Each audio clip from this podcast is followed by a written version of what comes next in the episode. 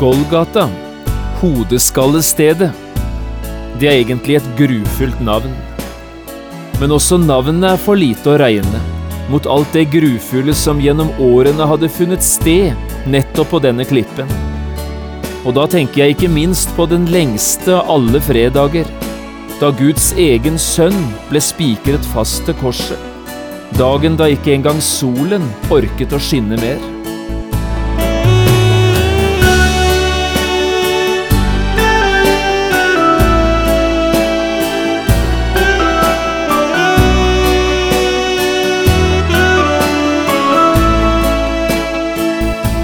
Hjertelig velkommen til et nytt program i serien Vindu mot livet. Programmet er produsert av Kristen Riksradio og blir ledet av Jon Hardang. Kristen Riksradio drives av frivillige gaver. Vi er glade for din støtte.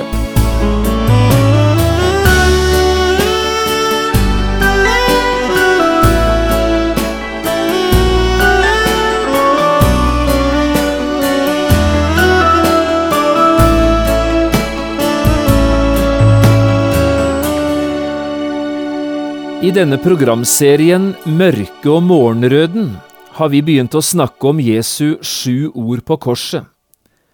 I forrige program prøvde vi å gi en liten oversikt over alle disse ordene som Jesus sa da han hang på Golgata kors.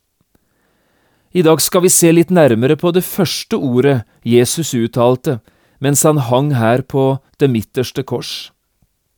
Vi leser fra Lukasevangeliet i kapittel 23, versene 33 til 35. Jeg har kalt dagens program Far, forlat dem. Og de kom til det stedet som kalles Hodeskallen. Der korsfestet de ham og ugjerningsmennene, den ene på hans høyre, den andre på hans venstre side. Men Jesus sa, Far, forlat dem, for de vet ikke hva de gjør. Og de delte hans klær mellom seg og kastet lodd om dem. Folket sto og så på, men rådsherrene spottet ham og sa, Andre har han frelst, la ham nå frelse seg selv, dersom han er Messias, Guds utvalgte.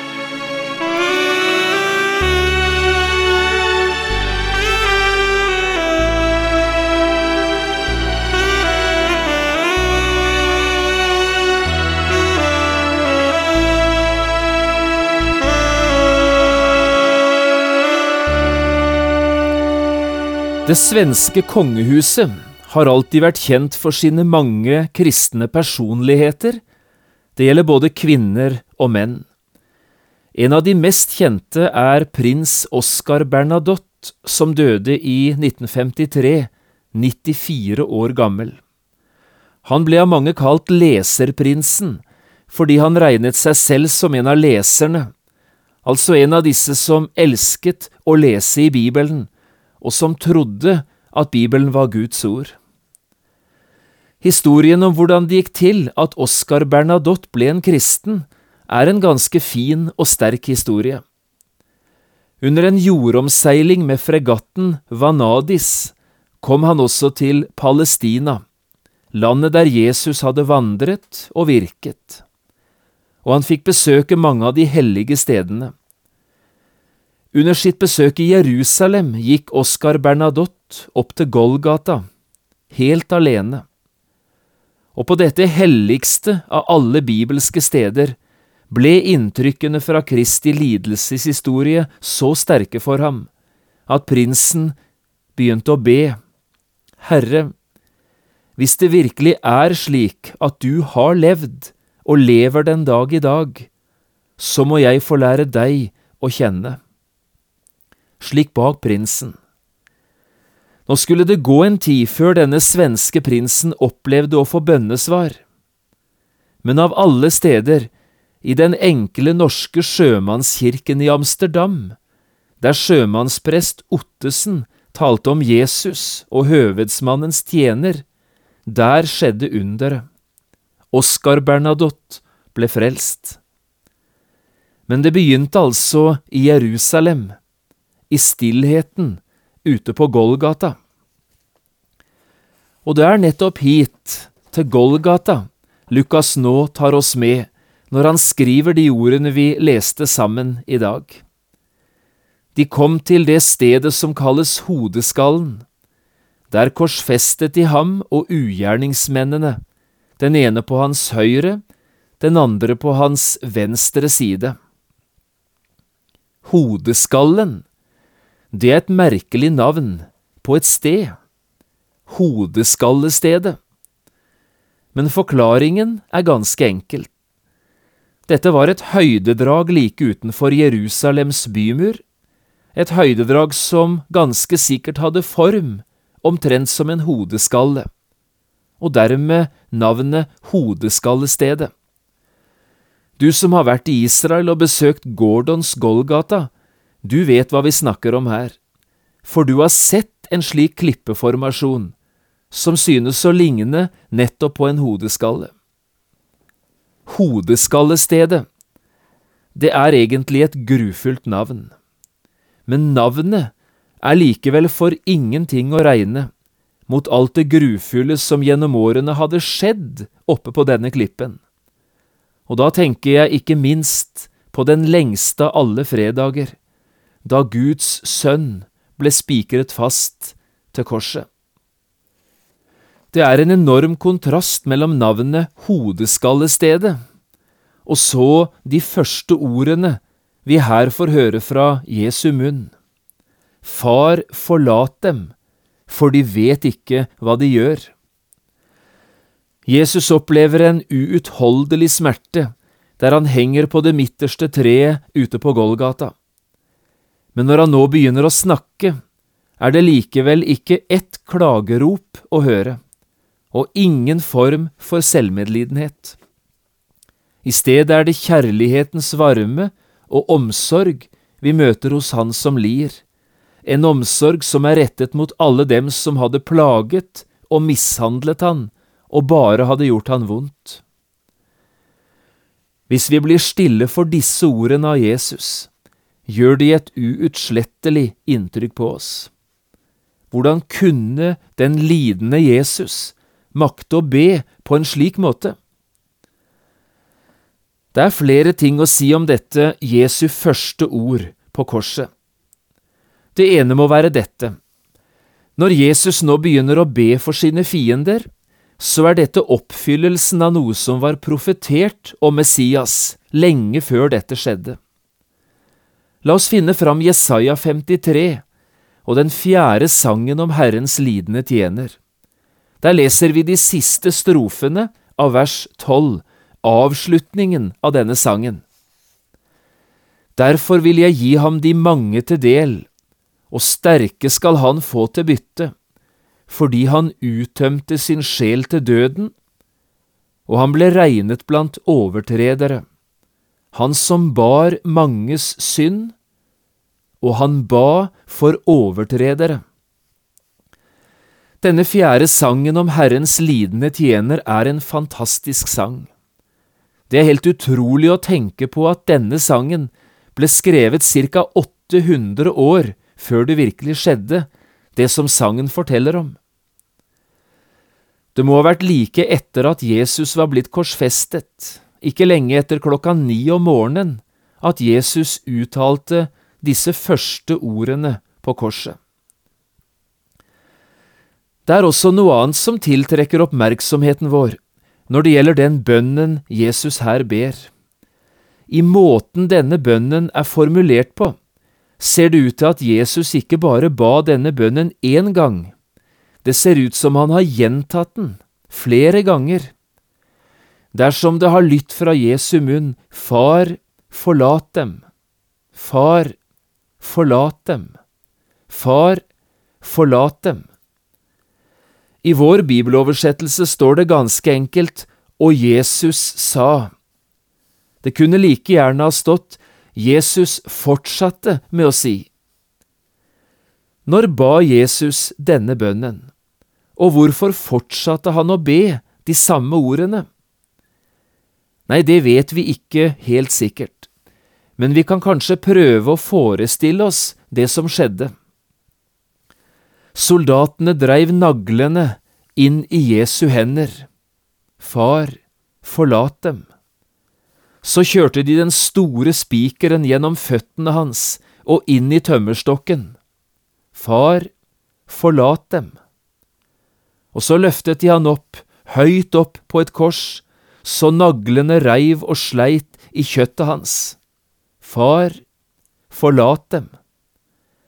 Og da soldatene satt ved siden av korset og kastet lodd om kjortelen hans, Far, forlat dem, for de vet ikke hva de gjør.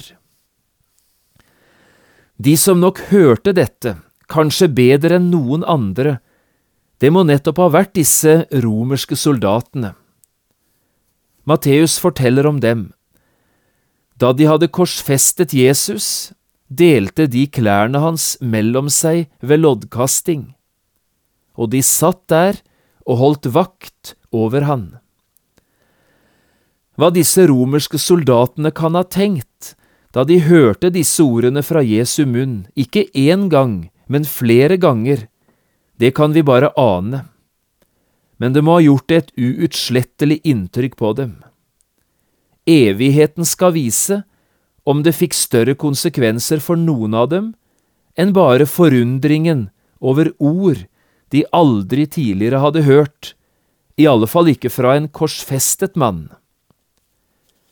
Men noen få timer senere skjedde det i alle fall noe som gjør at Matteus skriver ganske bestemte ord.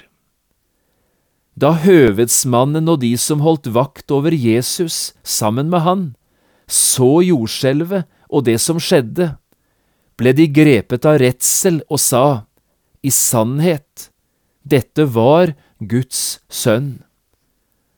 Jo, det må ha gjort stort inntrykk, sterkt inntrykk på dem, det de møtte hos Jesus, han som ba for overtredere.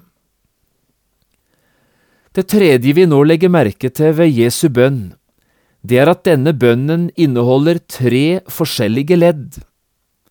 La oss prøve å få øye på det i ordene Jesus her bruker. Det første er dette. Hvem ber Jesus egentlig til? Det skulle være tydelig nok. Bønnens adressat er denne. Far, forlat dem. Jeg vet ikke om du husker hvordan Jesus neste gang formulerte seg da han ropte i stummende mørke. Da var tiltaleformen forandret. Min Gud, min Gud. Men nå, mens det altså ennå er lyst, har Jesus fremdeles det fortrolige, åpne forholdet til sin himmelske Far. Fremdeles er det åpen og god forbindelse.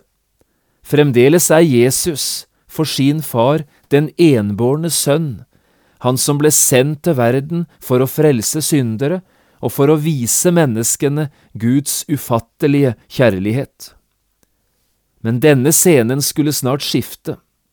Snart ser Gud bare menneskenes stedfortreder, han som bærer all verdens synd framfor Guds ansikt, og Gud snur seg vekk og lar vredens og dommens lyn ramme denne mannen på det midterste kors det er derfor Jesus roper i angst, Min Gud, min Gud, hvorfor har du forlatt meg?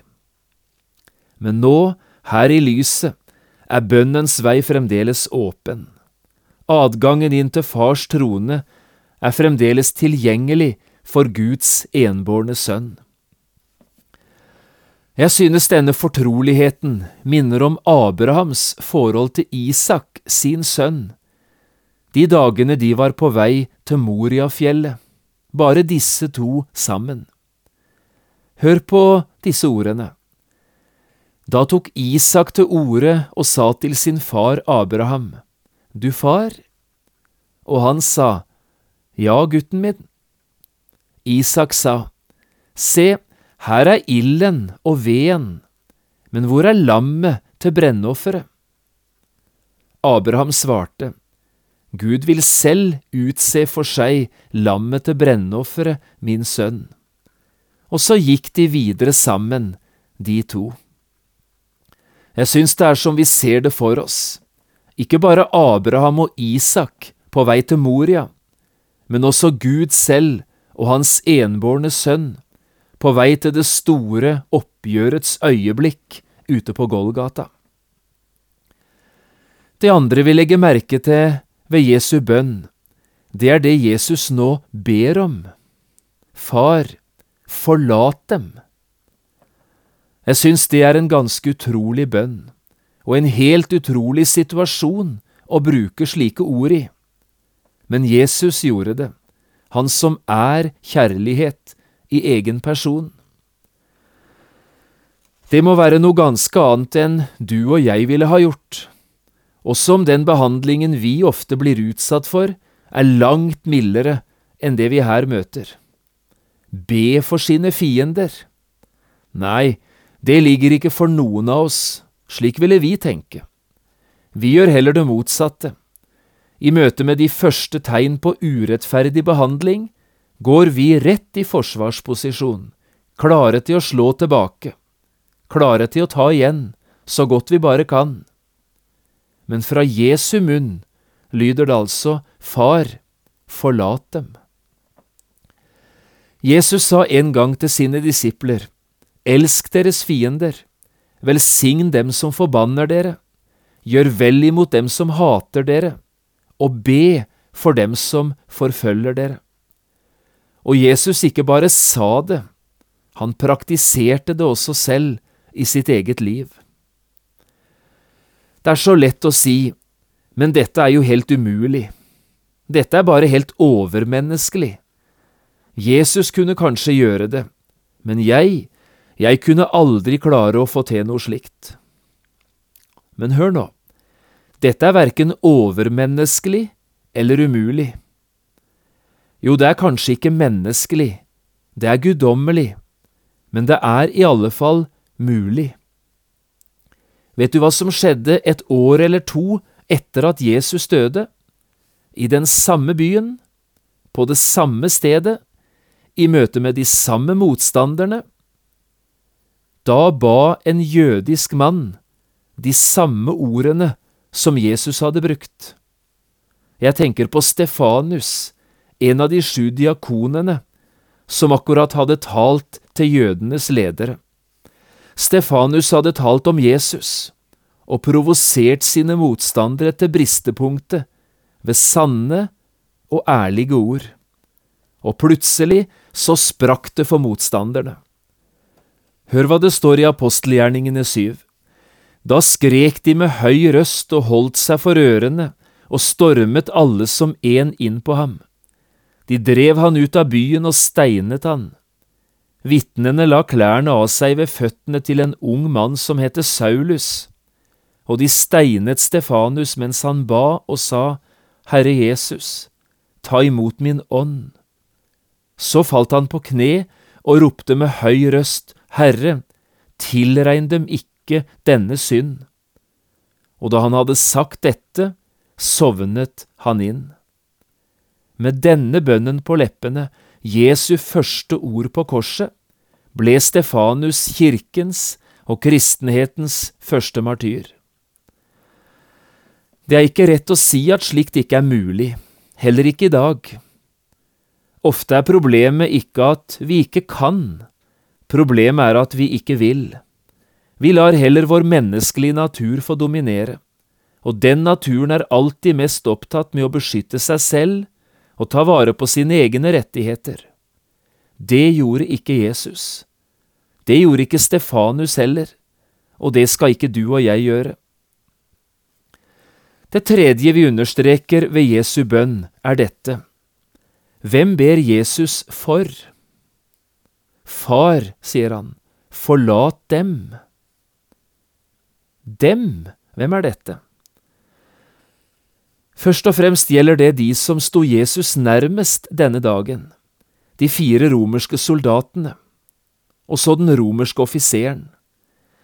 De hadde sannsynligvis lite peiling på hva det egentlig handlet om denne dagen, hva de egentlig var med på. De var rett og slett bare på vakt, de var under kommando og utførte bare det de hadde ordre om.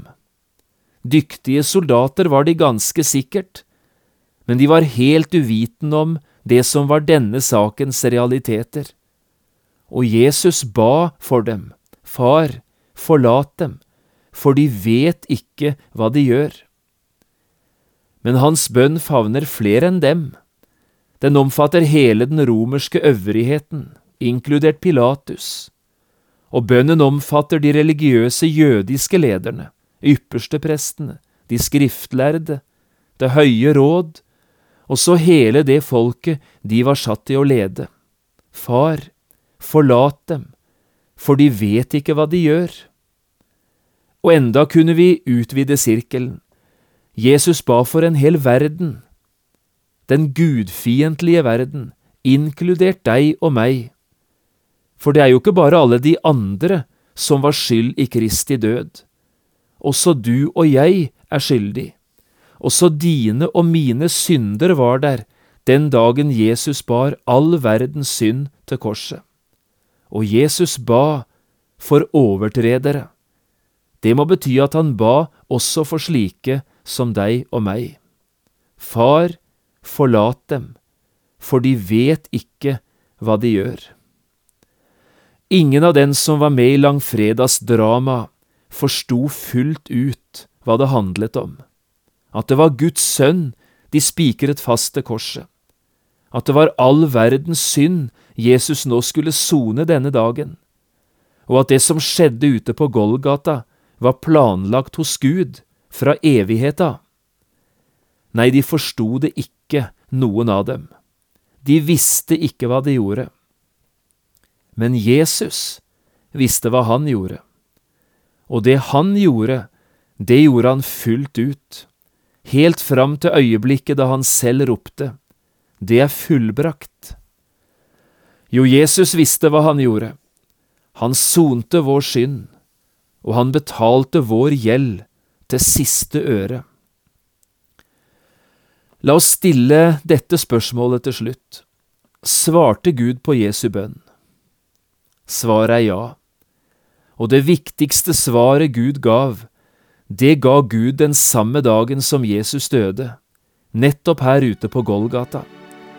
Hør hva Paulus skriver i Kolosserbrevet 2 og vers 14. Han utslettet skyldbrevet mot oss, som var skrevet med bud, det som gikk oss imot. Det tok han bort da han naglet det til korset. Dette skulle også få deg og meg til å begynne å be. Skulle jeg foreslå noe i dag, vil jeg foreslå at du brukte den gamle tollerbønnen. Gud, vær meg synder nådig. For slike bønner hører alltid Gud.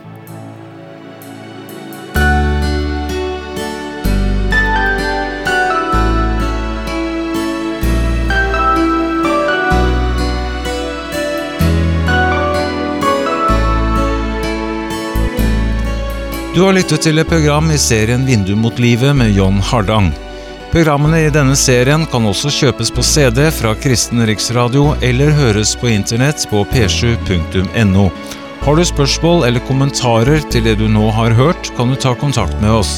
Adressen er Kristen Riksradio, Knappskog 5353 Straume, eller e-post vml krøllalfa p7.no. Takk for i dag, og på gjenhør.